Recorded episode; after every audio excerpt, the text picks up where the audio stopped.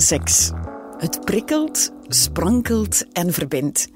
Bijna iedereen doet het en toch is er over praten soms nog taboe.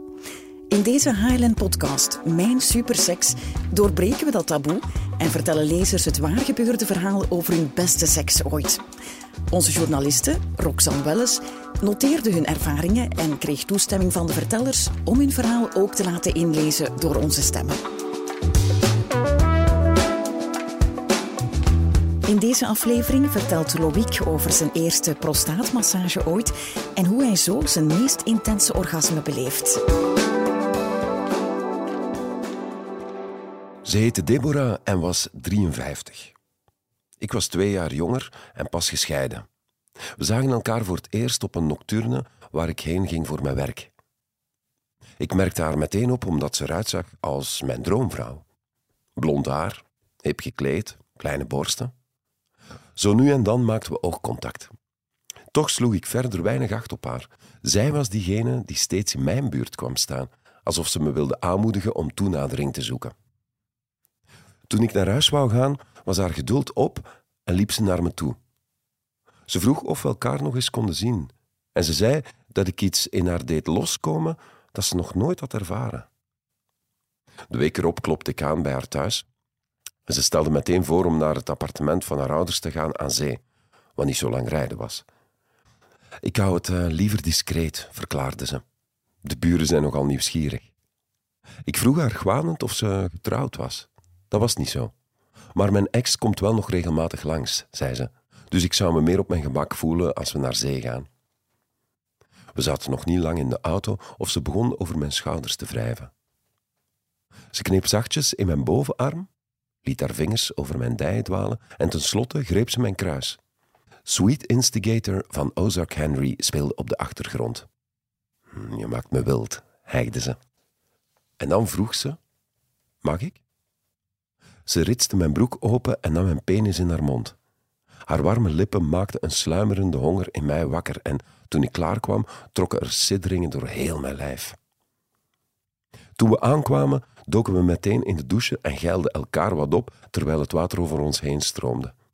Daarna aten we afhaal Chinees met alleen wat handdoekjes om onze naaktheid te bedekken. Maar onze maaltijd is nooit opgeraakt. We begonnen te kussen, belanden op bed, streelden over elkaars gloeiende lichaam en knepen in elkaars tepels. Haar handen dwaalden geregeld af naar mijn billen, waar ze verder ging dan een vrouw ooit was geweest. Plots stond ze recht. Ik ga je masseren, zei ze. Terwijl ze sensueel over mijn lichaam kronkelde, vroeg ze fluisterend of ik open stond voor nieuwe dingen. En terwijl ze mijn penis weer in haar mond nam, zochten haar vingers hun weg richting mijn achterwerk. Het voelde vreemd en opwindend tegelijk. Ondertussen masseerde haar andere hand mijn ballen en fluisterde ze dat ik mijn ogen moest sluiten. Geef je over, zei ze zacht. En toen voelde ik haar vinger in mij.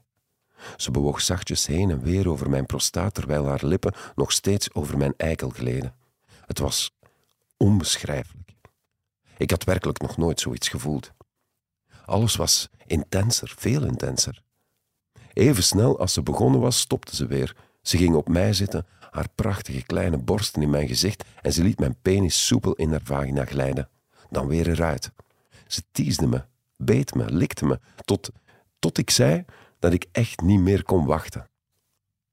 Wacht toch maar even, glimlachte ze, dan wordt het nog beter. Ik befte haar en toen ze klaar kwam, begon ze te huilen. Maar ik mocht niet stoppen. Ze trok mij in zich en als twee bezetenen begonnen we te vrijen. Sla maar op mijn kont, moedigde ze mij aan. Trek aan mijn naar. Ik aarzelde eerst, maar ze stelde mij gerust dat ze het fijn vond en dat het goed was zo, dat dit ook liefde was. Dus ik deed wat ze vroeg en voelde hoe alle remmen losgingen. Ze kreunde hevig, trok terug en begon toen over mijn buik te ejaculeren. Het maakte me trots en opgewonden en ook een beetje ongemakkelijk tegelijk. Kom ook op mij klaar, fluisterde ze. Dan zijn onze sappen herenigd. Ze begon mijn prostaat weer te masseren. Mijn orgasme was.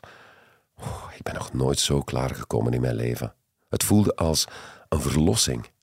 Als kers op de taart smeerde ze mijn sperma uit over haar buik, borsten en gezicht. Die nacht deden we ook geen oog dicht.